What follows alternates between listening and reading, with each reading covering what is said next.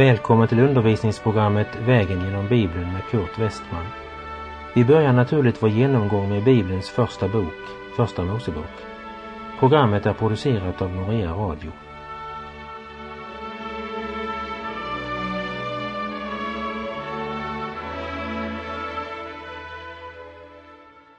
Igår så nämnde jag något om varför jag önskar att systematiskt vandra vägen genom Bibeln, kapitel för kapitel, och gav också några historiska glimt. Vi såg på två olika sätt att indela Första Mosebok. Och nu läser vi från Första Mosebok kapitel 1 och vers 1. I begynnelsen skapade Gud himmel och jord. Det är en av de mest genomgripande uttalanden som någonsin har blivit gjort. Det är utmanande även för den tid som du och jag lever i.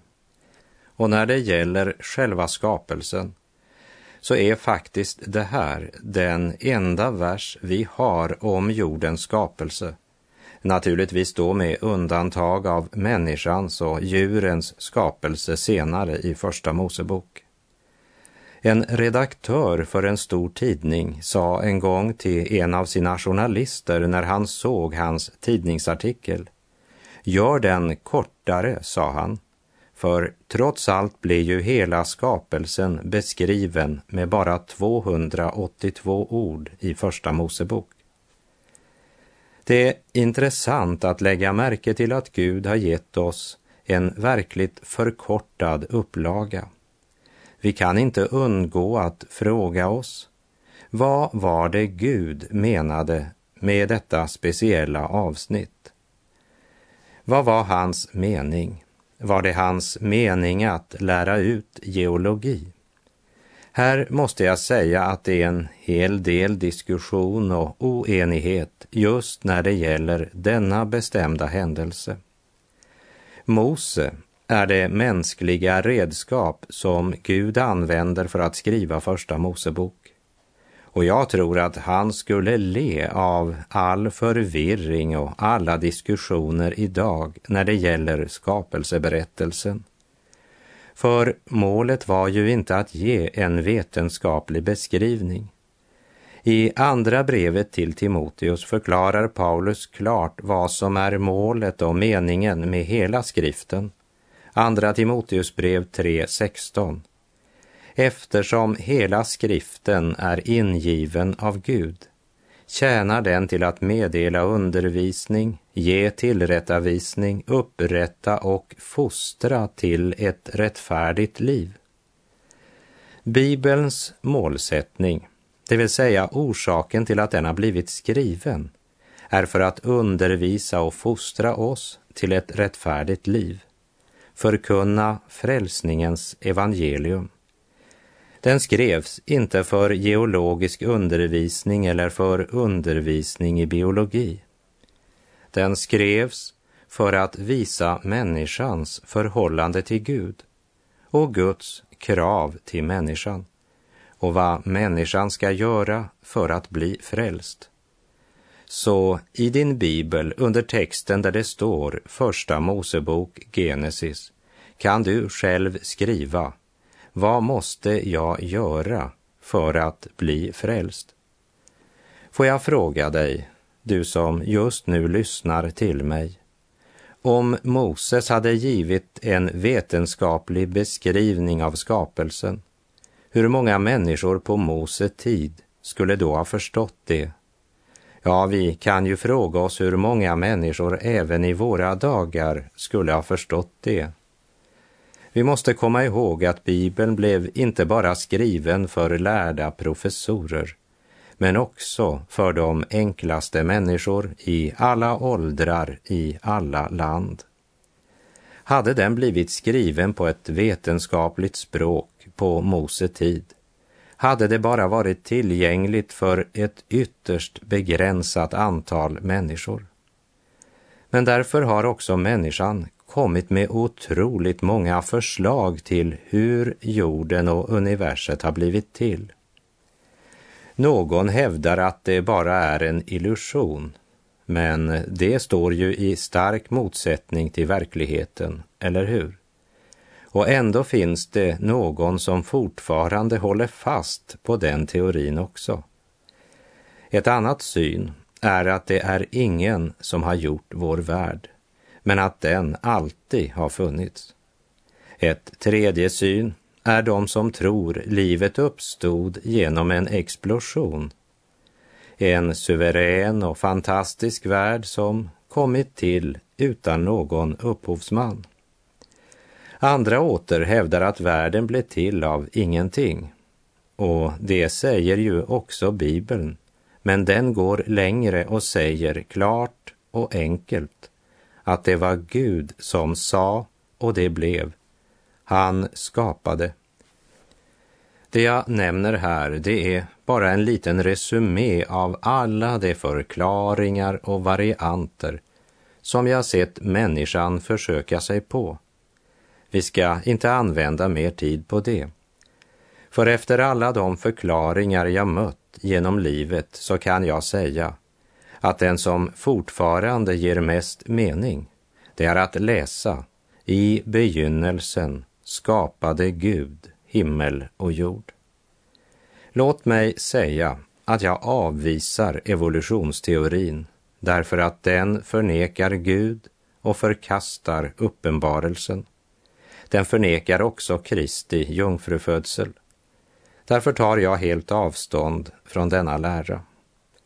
Vem har skapat världen? Ja, det gjorde Gud. Han frambringade det av intet. När? Ja, det vet jag inte och inte heller någon annan vet det. Tidsrummet mellan det ögonblick då Gud skapade himmel och jord och tiden då han skapade solen och månen för att fastsätta tider, dagar och år. Hur lång den tiden är, det är Guds hemlighet. Men jag tror det är viktigt för oss att tänka på att Gud har evigheten bakom sig. Det vi gör är att godta detta majestätiska uttalande som är inledningen till Guds ord. I begynnelsen skapade Gud himmel och jord.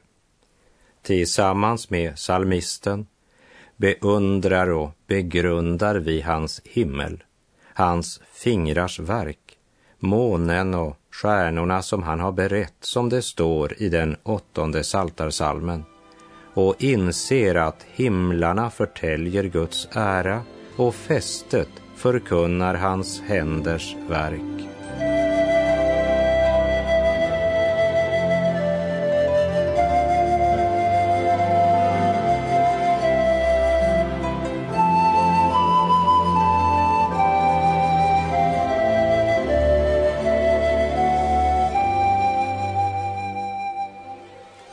Till församlingen i Rom skrev Paulus, ty allt sedan världens skapelse har hans osynliga egenskaper, hans eviga makt och gudomlighet kunnat uppfattas i hans verk och varit synliga.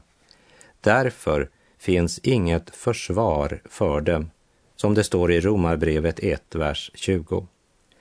Hebreerbrevets författare säger i kapitel 11, vers 3 i tro förstår vi att världen har formats genom ett ord från Gud och att det vi ser inte har blivit till ur något synligt. Vi måste acceptera skapelsen i tro. Inte ens vetenskapen kan förklara hur något kan formas av intet. Men som vi ser så var det så Gud gjorde. Människan har idag ingen möjlighet att säga när allt detta blev skapat. Det kunde sägas mycket mer om det här, men man spekulerar ju inte bara omkring vem som skapade och när det blev skapat, men också frågan varför han skapade. Varför? Guds ord säger oss att han skapade världen till sitt eget behag som det är uttryckt i Uppenbarelseboken 4, vers 11. Du är värdig, du vår Herre och Gud, att mottaga pris och ära och makt. Ty du har skapat allt som är. Genom din vilja finns det till och det är du som har frambragt det. Han skapade universum och vår värld därför att han ville skapa den. Han gjorde det till sitt eget behag. Du finner kanske inte behag i universet, men det gör Gud. Han frågade aldrig mig var i universum jag önskade jorden jag lever på placerad. Han frågade inte ens om jag ville bli född i Västerbotten eller inte. Låt oss säga det så enkelt vi kan. Gud skapade världen därför att han önskade det. Den andra orsaken till att han skapade världen var till sin egen ära. Ursprungligen, som du minns, så var skapelsen fylld av lovsång och tack till skaparen.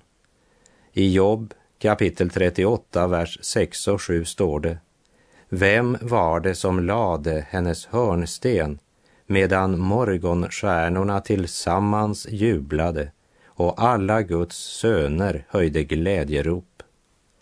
Det var skapat till hans ära som det är uttryckt hos profeten Jesaja kapitel 43 och vers 7. Var och en som är uppkallad efter mitt namn och som jag har skapat till min ära. Också människan var ursprungligen skapad till Guds ära. I begynnelsen skapade Gud himmel och jord. Det är en majestätisk vers. En fantastisk, förunderlig vers. En vers som är den dörr genom vilken vi måste gå om vi vill in i Bibelns värld. Som vi bekänner i trosbekännelsen. Jag tror på Gud Fader allsmäktig, himmelens och jordens skapare. Vi måste tro på honom som skapare. För den som söker Gud måste tro att han är till. Gud skapade. Ordet skapa är från det hebreiska bara, som betyder att frambringa ur intet. Och det här ordet är bara nämnt tre gånger i det första kapitlet av Första Mosebok. I begynnelsen skapade Gud himmel och jord. Jorden är skild från resten av skapelsen. Varför? Ja, jorden är ju människans hem, där också du blivit placerad. Vi måste inse att Gud skapade dig och mig till sin avbild.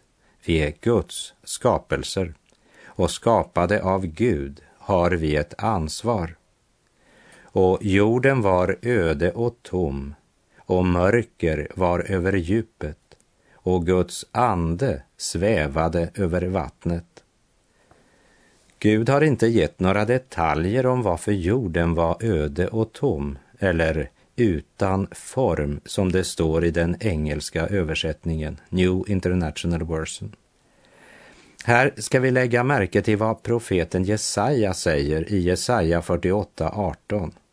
Ty så säger Herren, han som har skapat himmelen, han som är Gud, han som har danat jorden och gjort den och som inte har skapat den till att vara öde, utan danat den till att bebos.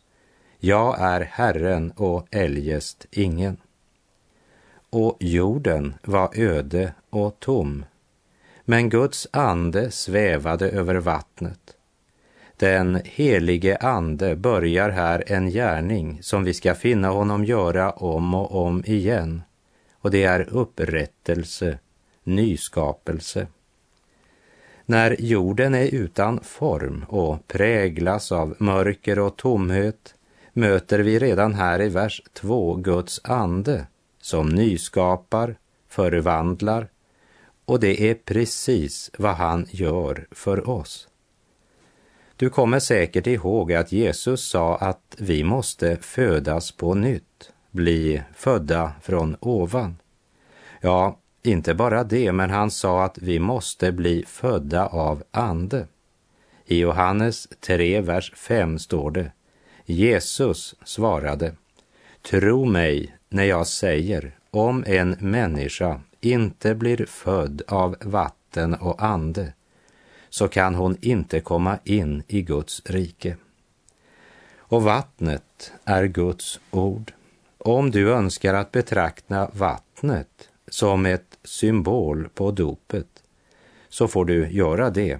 Men du måste här komma ihåg att när Jesus säger det här till Nikodemus så är dopet ännu inte instiftat. Men med vattnet menas Guds ord, Bibeln. Och det är den helige Ande som står som utgivare och ansvarig. Och det är det viktigt att vi förstår. Gud skapade himmel och jord. Och han skapade människan och placerade henne på jorden. Och människan är ju den skapade varelse som vi har störst intresse av eftersom vi tillhör den gruppen. Och sett från den sidan är Första Mosebok ett viktigt dokument för oss idag. Och vi läser i kapitel 1, vers 3 till och med 5. Och Gud sade, var det ljus, och det blev ljus. Och Gud såg att ljuset var gott, och Gud skilde ljuset från mörkret. Och Gud kallade ljuset dag och mörkret kallade han natt. Och det blev morgon och det blev afton den första dagen. Tänk, Gud sa bli ljus och därmed så blev det ljust. Det är första gången vi i Bibeln hör Gud tala. Det är första gången skriften återger Gud med direkt citat. Och Gud kallade ljuset dag. Ljuset och mörkret, dagen och natten. Här möter vi två symboler som ofta återkommer i Guds ord. Ljusets närvaro frambringar dagen och dess frånvaro frambringar natten. Så är det också i din och min själ.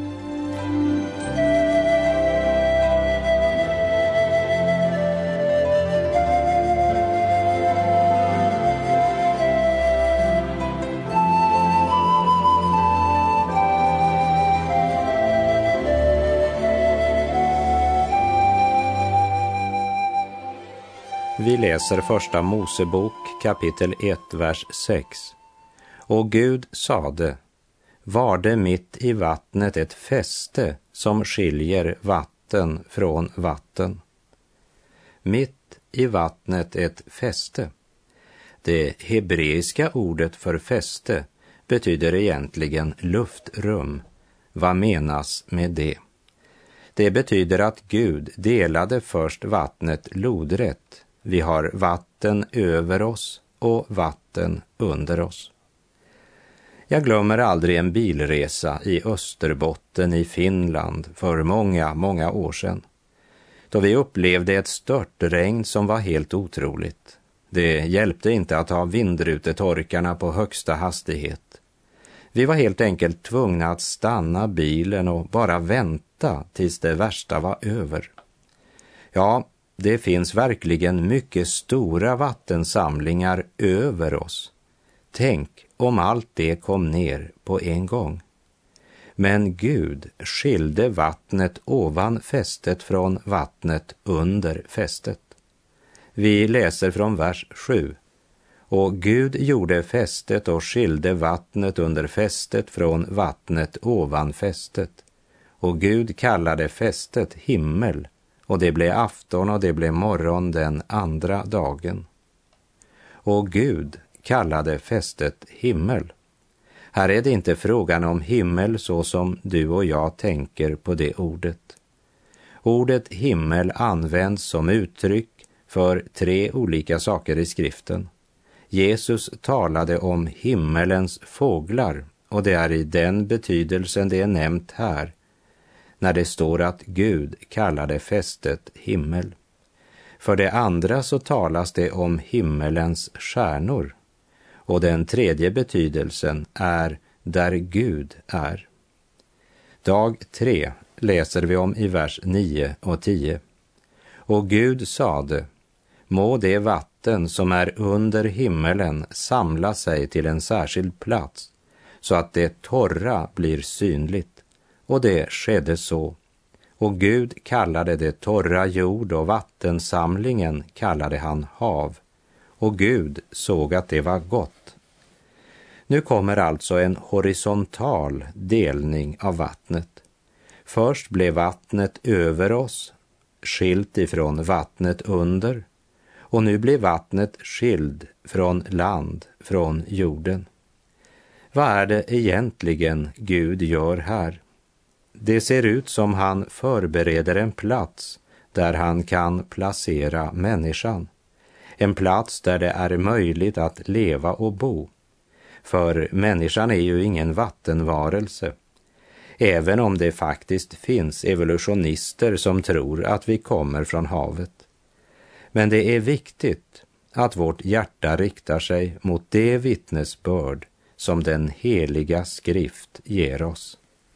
Och som Bibeln själv säger i Romarbrevet 3, vers 4. Nej, låt det bli klart. Gud är sannfärdig och varje människa en lögnare. Vi läser i Första Mosebok 1, vers 11 till och med 13. Och Gud sade, må jorden frambringa grönska, fröbärande örter och fruktträd som efter sina arter bär frukt, vari det har sitt frö på jorden, och det skedde så. Jorden frambringade grönska, fröbärande örter efter deras arter och träd som efter sina arter bar frukt, var i det hade sitt frö. Och Gud såg att det var gott. Och det blev afton och det blev morgon den tredje dagen.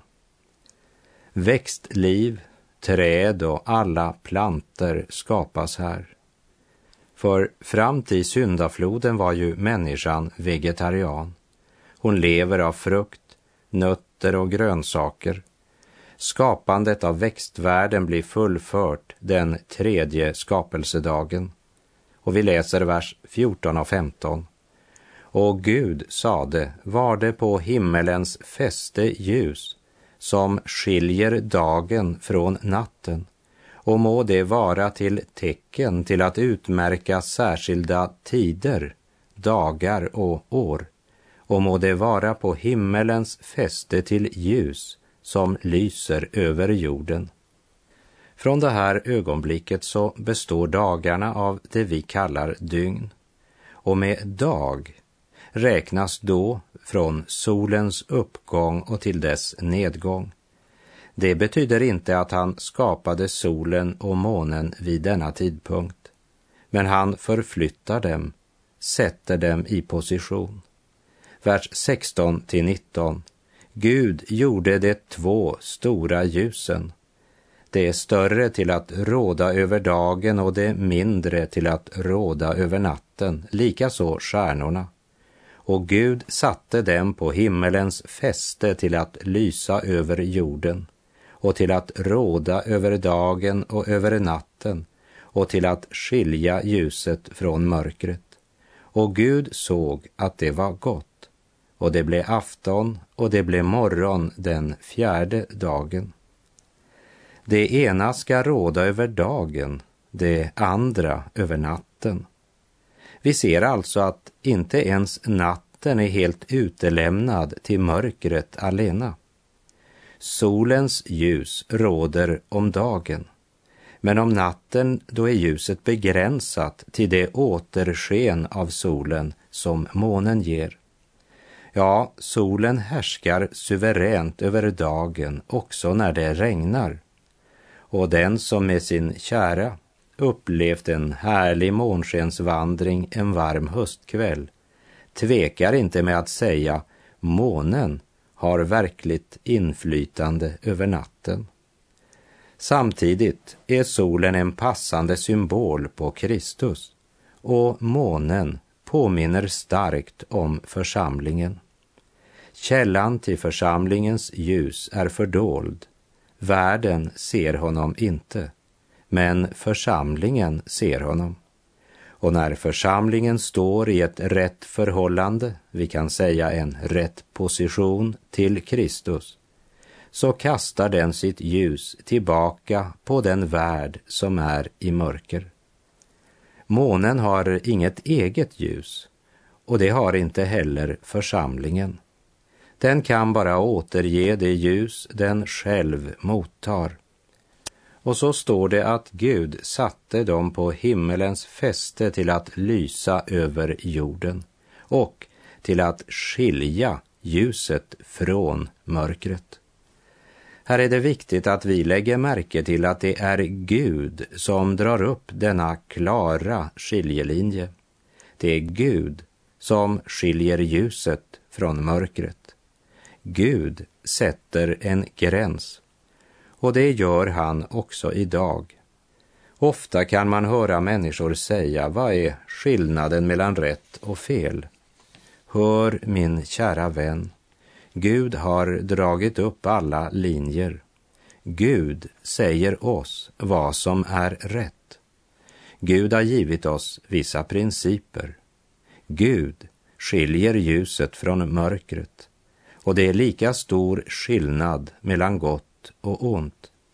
Det är Gud som drar upp skiljelinjen och det gör han fortfarande. Som vi sa så är månen en bild av församlingen eller den kristne. Och precis som jordens moln och dimmor kan lägga sig hindrande emellan så kan det lätt komma in sådant i vårt liv som blir ett moln mellan oss och Gud. När solen inte får lysa på månen ger månen inget ljus när vi inte längre lever i Guds ljus ser inte världen något av Kristi ljus i oss, men bara dåliga karikatyrer av honom som vi egentligen skulle avspegla. Samtidigt är det viktigt att komma ihåg att också när månen står i sin ideella position till solen så är det ljus den återger bara ett litet, litet återsken av solen. Profeten Malaki, Gamla testamentets sista bok, säger i kapitel 4, vers 2. Men för er, ni som fruktar mitt namn, skall rättfärdighetens sol gå upp med läkedom under sina vingar. Ska det verkligt bli dag, solljus dag i ditt och mitt liv, så måste solen gå upp i våra liv. Församlingen eller andra kristna kan vara till hjälp och glädje på många sätt, men vi måste personligen se solen. För det är bara solens ljus som är fullkomligt. Då förvandlas vår natt till dag. Och det är i Bibeln, i Guds ord, du möter rättfärdighetens sol. Så hör detta, du modlösa människa. Det finns ett ord som ska bestå när allting annat faller. Det finns något som är fast och evigt. Det finns ett rike som aldrig bedrar sina medborgare. Och vägen till att finna detta rike och detta liv, det är genom Guds ord. Så gör mig sällskap vägen genom Bibeln. Herren vare med dig, må hans välsignelse vila över dig. Gud är god.